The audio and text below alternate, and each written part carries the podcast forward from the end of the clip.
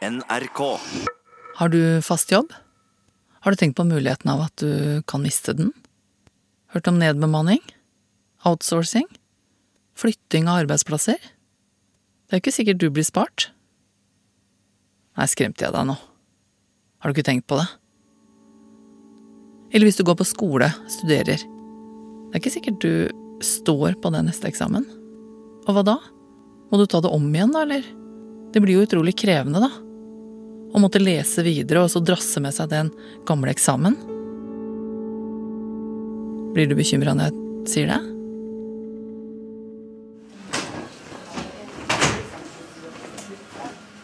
Hei. Jeg sitter på Nav. Det er ikke fullt her. Men det er et par unge gutter borti PC-kroken. En voksen mann i dress som leser et blad. Han venter på timeavtalen sin. Og rett overfor meg så sitter en dame i 30-40-årene. Hun er på mobilen. Svarer på en melding. Så ser hun på klokka. Så skriver hun videre på meldingen. Og så kommer en ansatt i luka. Det er hennes navn som ropes opp.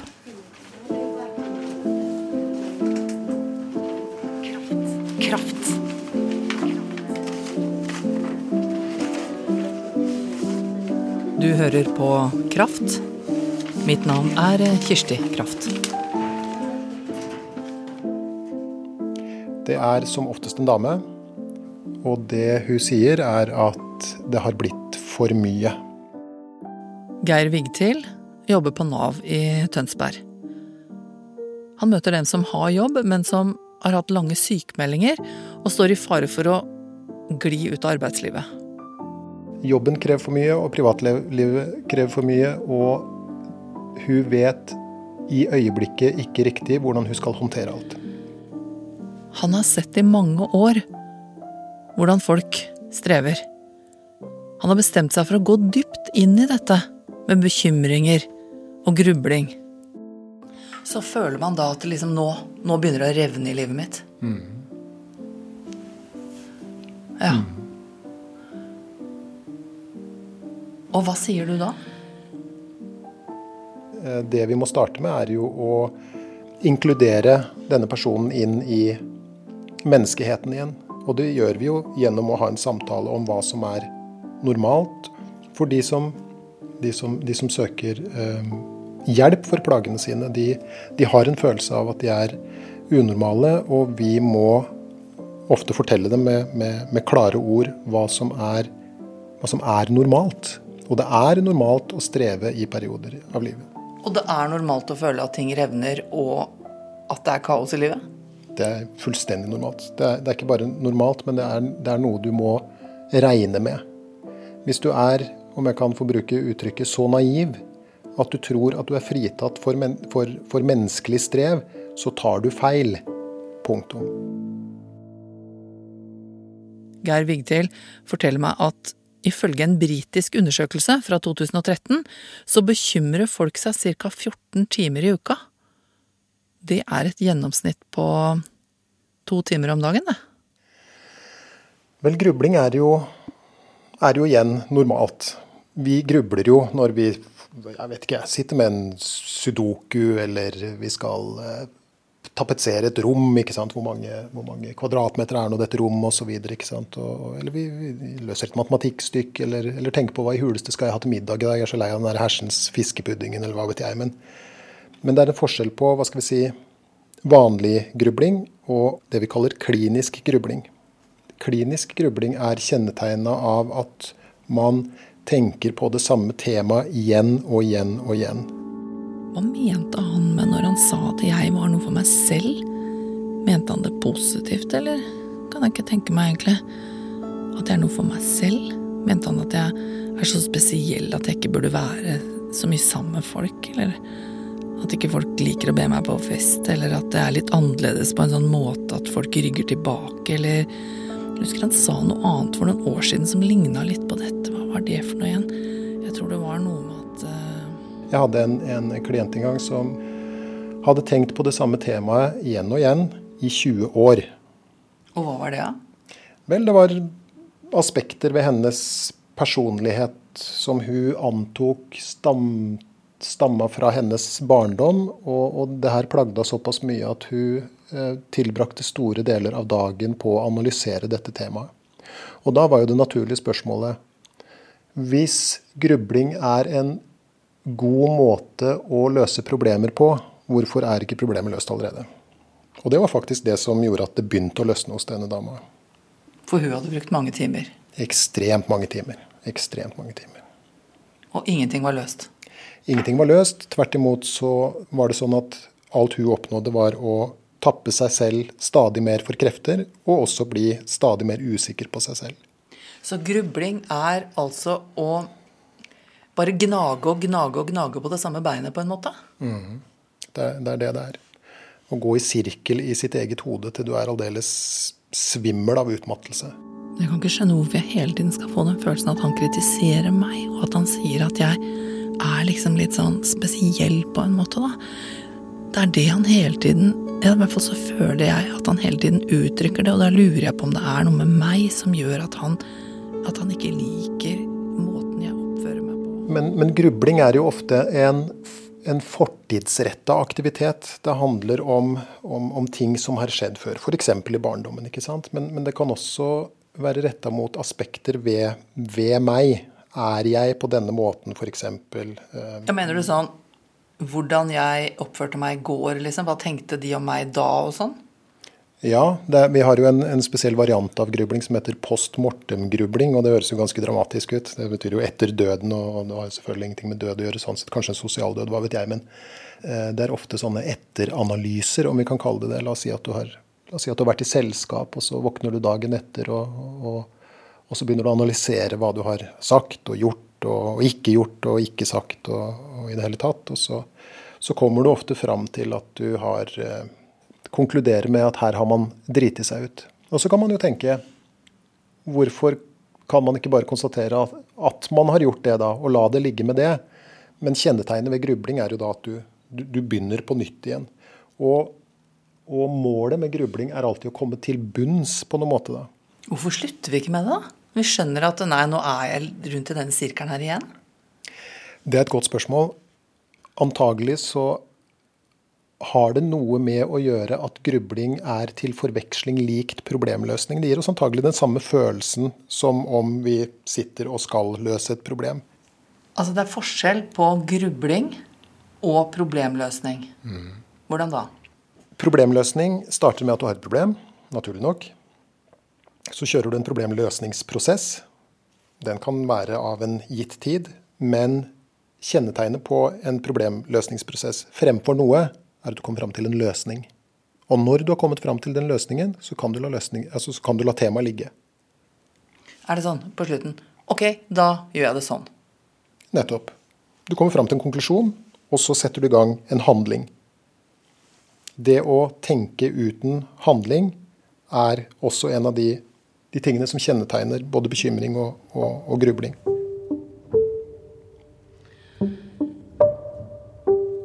Problemløsning er jo ikke sånn som tar et kvarter noen ganger, da.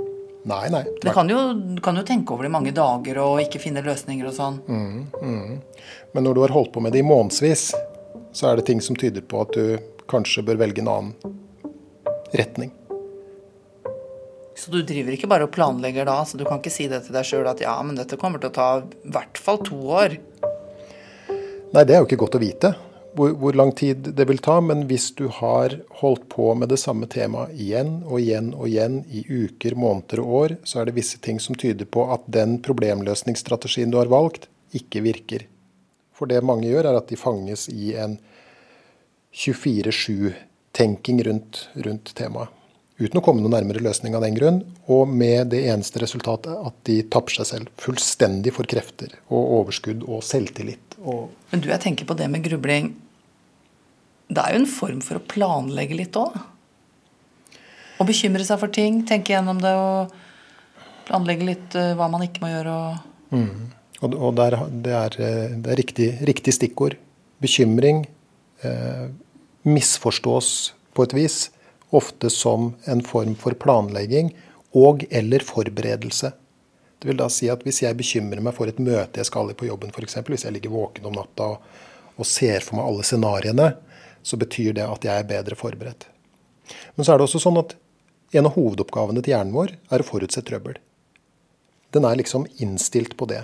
Og, og, uten at hjernen hadde vært så innmari god til å forutse trøbbel, så hadde vi antagelig ikke overlevd som art. Så, så Se for deg en, en steinalderstamme for eksempel, som kommer gående opp gjennom Europa et, i forbindelse med siste istiden. ikke sant? Og så, så ser kanskje lederen for stammen en, en, huleåpning, og der skal de over, overvintre. ikke sant? Og hvis ikke denne lederen hadde fått en bekymringstanke om at tenk hvis det er en bjørn der inne, så hadde hele stammen marsjert inn, og så hadde det vært over bekymringstanker, de har vi alle sammen. Og de er faktisk ganske lure. La oss si at du ubekymra hadde gått ut i trafikken, så hadde det jo vært slutt ganske fort. Eller i det minste blitt ganske ubehagelig. Men det er en forskjell på det å få en bekymringstanke og agere ut ifra den. F.eks. Det er tett trafikk. Jeg tror jeg skal bruke fotgjengerovergangen, for det kan tenkes at jeg blir overkjørt hvis jeg bare valser ut i, i trafikken. Så det er en bekymringstanke, men den utløser en handling.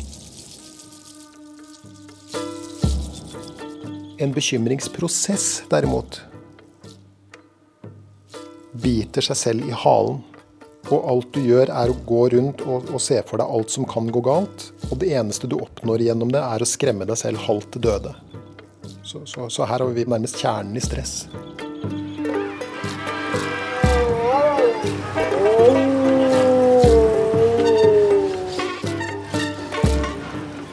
Et eksempel kan være en person med sosial angst. Denne personen vil være trusselfokusert på to ting. Det ene er omgivelsene. Man skanner omgivelsene sine, særlig andre mennesker, etter tegn på at man ikke blir likt. Altså, det vil da si at man leter etter det man er redd for. Det er litt som du kan se hvis en person som har edderkoppfobi, skal gå ned i en kjeller. Hvordan vil du se på vedkommende at vedkommende har edderkoppfobi når vedkommende går ned trappa? Jo, personen stivner til, begynner å se seg rundt, skanne taket, vegger, gulvet. ikke sant? Og, og, en person med sosial angst vil begynne å lete etter tegn på at vedkommende er i sosial fare. Så Det er den ene delen av trusselfokus ved sosial fobi. Den andre delen av trusselfokus er at vedkommende blir fokusert på sine egne kroppsreaksjoner. Hjertebank, munterhet, muskelstivhet, svetting, rødming og lignende symptomer tas til inntekt for at vedkommende er i reell fare.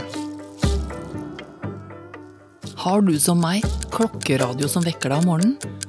Eller kanskje det første du gjør er å slå på radioen? I Indonesia har et passasjerfly styrta i havet med 189 mennesker om bord. Røde Kors er bekymra for eh, Forsvaret sin bruk av Og allerede om morgenen altså, så kan man begynne å tenke på dette her før man har stått opp ikke tatt av seg dyna, ingenting, liksom. Så begynner man å, å, fokusere på disse kanskje sånn lunsjpausen eller et møte eller noe man skal. Og allerede der begynner engstelsesnivået, om vi kan kalle det, eller kalle det stresset, da, å øke. Så er det i selve situasjonen, og nå er vi virkelig i gang. ikke sant? Nå er trusselfokuset på sitt høyeste. Og så er vi endelig ute av situasjonen. Å, takk og pris. ikke sant? Vi kom oss helskinna gjennom det møtet eller den festen eller den lunsjpausen på kontoret. Og da starter ofte analysen. Hvordan gikk det her? Hvordan oppførte jeg meg? Sa jeg noe dumt? Og så kan man holde på med det hele kvelden, og kanskje til og med en søvnløs natt, før man våkner igjen dagen etter. Og da kan du tenke deg hvordan det Så da er det grublinga resten av dagen? Ja, da holder vi på, da, vet du. vet du hva jeg får så lyst til å si til det mennesket før det har stått opp om morgenen, ligger med dyna over seg og er halvtrøtt og begynner å bekymre seg? Jeg får så lyst til å hviske inn i øret Gi blaffen. Drit i. Ikke tenk mer på det. Det er jammen ikke lett. Så det hjelper altså ingenting hvis jeg sier sånn Nei da, dette behøver vi ikke tenke mer på. Det går sikkert bra. Nei, Tvert imot så kan jo det virke provoserende. La oss si en person med panikkangst som løper ut av butikken når panikkangsten kommer. Det er en mestringsstrategi. Jeg fjerner meg fra situasjonen som utløser angst. Men det kommer med en pris. Hvis jeg skal fjerne meg fra enhver situasjon som provoserer angsten min, så vil jeg heller ikke ha sjanse til å gjøre noe med den eller venne meg til den. Og da blir det mye løping? Da blir det også mye løping. Og ikke bare det, men løpinga vil sakte, men sikkert utvide seg.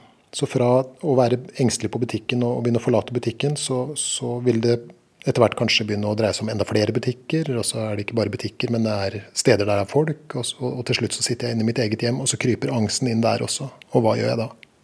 Nei. Hva gjør man da? Det vi kan påvirke, det er hva vi gjør med tanken når den har oppstått. Eller det vil si, ikke hva vi gjør med tanken, men hvordan vi forholder oss til tanken. Skal jeg fortelle en historie? Ok. Jeg sto på Tønsberg stasjon. Skulle ta toget. Og så sto jeg der og venta, og jeg hørte bommene gå ned. Og, og sånt som det er. Og, og, mellom meg og togskinna der kom det en gammel dame med rullator. Du vet gammeltypen med sånn poplin-frakk og, og, og sånne strømpebukser og praktiske sko i det hele tatt. Hun var sikkert 90 år og vel så det. Og hun skulle vel antagelig på toget, hun også. Så slo det en tanke ned i hodet mitt. Tenk hvis jeg hadde sparka den gamle dama ut foran toget. Okay, så kan man tenke Kjære meg, hva slags ond morder er det du er? Men da denne tanken først hadde oppstått, så forholdt jeg meg til den på den måten at jøss, det var jo en forunderlig tanke.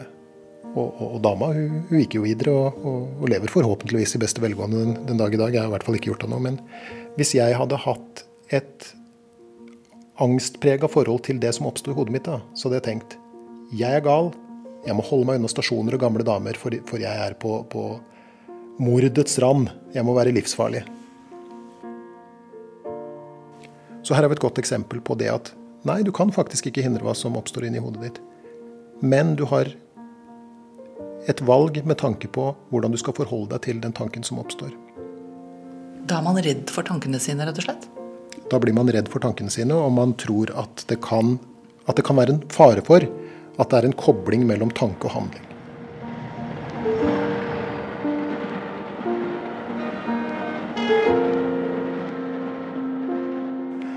Men poenget er at i løpet av en dag så oppstår det et et mylder av tanker i hodet vårt.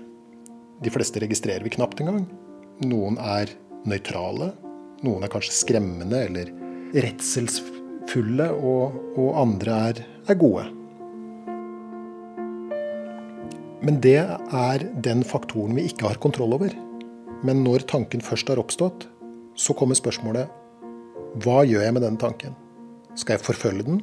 Skal, skal jeg la den bli veldig viktig i min dag her og nå? eller skal jeg la den være?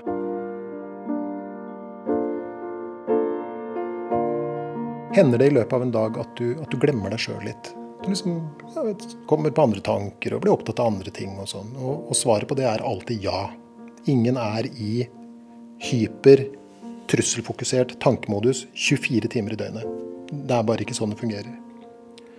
Ja, det hender at jeg glemmer meg selv. Det hender at jeg blir opptatt av andre ting. La oss si det ringer på døra eller noe annet tilforlatelig, ikke sant? og så står det en eller annen loddselger der som begynner å gnåle, og så, ikke sant? så forsvinner det her mer i bakgrunnen. og det er, det er måten det beskrives på. Hvis det da er sånn at du glemmer deg selv i løpet av dagen og blir opptatt av andre ting, så er jo neste naturlige spørsmålet hvordan har du det da? Og svaret på det er ofte da har jeg det bedre. Vi mennesker, og dette har vi visst i årtusener, vi mennesker har det faktisk best når vi ikke er opptatt av oss selv. Og hvis man øver på å glemme seg selv i større grad, det vil da si dra oppmerksomheten sin ut av egen navle, for å, for å være litt brutal, så har man det bedre. Når du glemmer deg selv, blir opptatt av andre ting, f.eks. Sånn helt av deg sjøl. Hvilke teknikker bruker du da? Svaret på det er ingen. Det er ikke noe teknikk. Du blir bare opptatt av noe? Du blir bare opptatt av noe. Så du, du kan si at at denne, den, denne, det moduset du er inne i, hvor du er trusselfokusert, og du bekymrer og grubler, deg, eh, grubler osv., det er en enspora måte å, å, forholde seg til seg selv og virkeligheten på. Mens når du glemmer deg selv, så er det en, si, en, en, en fri måte å forholde seg til seg selv og virkeligheten på. Og så har Geir Vigtil et forslag når du får en bekymringstanke og føler deg frista til å sette i gang, utsette å gjøre det i fem minutter. Å oh ja. Ikke bekymre meg nå, men begynne å tenke på det om fem minutter? Du kan begynne å tenke på det om fem minutter, og da kan du slå deg løs. Ikke bare det, men du kan invitere naboen. Ja, Og gjøre da- det dobbelt så effektivt. Da har jeg begynt å tenke på noe annet, da. Ja, det er ofte det man erfarer. Man kan sammenligne tanker og følelser med masete barn i butikken.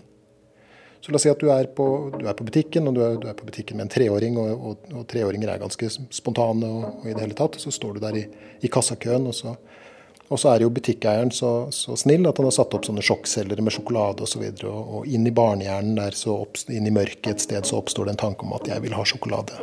Hvorpå du sier at nei, beklager, i dag er det onsdag og ikke lørdag. Og så slår barnet seg vrangt og begynner å hyle og skrike. Du kan gi barnet sjokolade. Spørsmålet er da hva oppnår du? Det eneste jeg gjør da, er å forsterke atferden. Så neste gang så vil barnet hyle dobbelt så høyt og, og håpe på å få to sjokolader. ikke sant? Og Geir foreslår noe annet. Det er å sette seg ned foran barnet og så si noe sånn cirka sånn som at Jeg skjønner godt at du har lyst på sjokolade, men i dag er det onsdag og ikke lørdag. Og hvis du fortsetter å hyle og skrike på denne måten, så har ikke jeg tenkt å, å, å, snakke med deg mer. Men hvis du reiser deg opp og oppfører deg normalt, så, så snakker vi sammen igjen. Bekymringstanker, grubletanker, vonde følelser kan sammenlignes med masete barn som ønsker din oppmerksomhet. Og oppmerksomhet er et sentralt begrep her.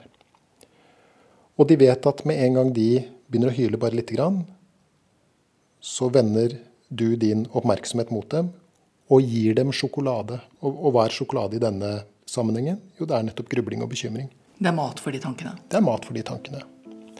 Så det, så det du gjør, da, er at når, når, når disse tankene oppstår, så sier du Greit, din masekopp. Jeg både hører og ser deg. Det kan jeg, jeg kan ikke unngå det. Men jeg skal fortsette som før. Du får bare hyle og skrike, men oppmerksomheten min får du aldri. Jeg vedkjenner meg at det er sånn, men jeg fortsetter som før. Det forbløffende er jo at når du bestemmer deg for å hva skal vi si, forholde deg til disse masete tankene og masete følelsene på denne måten, så vil de trekke den samme konklusjonen som et masete barn. Oi, dette virka ikke. På sikt. Og det er et godt Nei, det er ikke et godt råd, det er et velment råd. Ja, men slutt å tenke på det. La det ligge. Gi faen. i blaffen. Det er et ubarmhjertig råd å få når man strever med noe. Men poenget er at dette kan man øve på. Det er ikke enkelt, dette her. Det er på ingen måte enkelt. Det tar tid. Det tar tid. Det krever øvelse, og det krever stahet. Bekymring tar fra oss mye krefter og tid. Kanskje penger og lykke også. Bekymring kan bli sjefen i livet ditt og detaljstyre alt du holder på med. Men begynn å snakke til bekymringen som masete små unger. Vær sjef og sett dem på plass. Du kan bli en mester til å dressere dine egne bekymringstanker. Kraft. Kraft.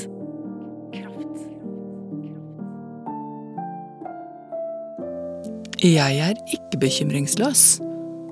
Jeg heter Kirsti Kraft, og konsulent for Kraft er Hege Dahl. Og hvis du vil skrive til redaksjonen, så er adressen kraft krøllalfa nrk.no. Kraft. Kraft.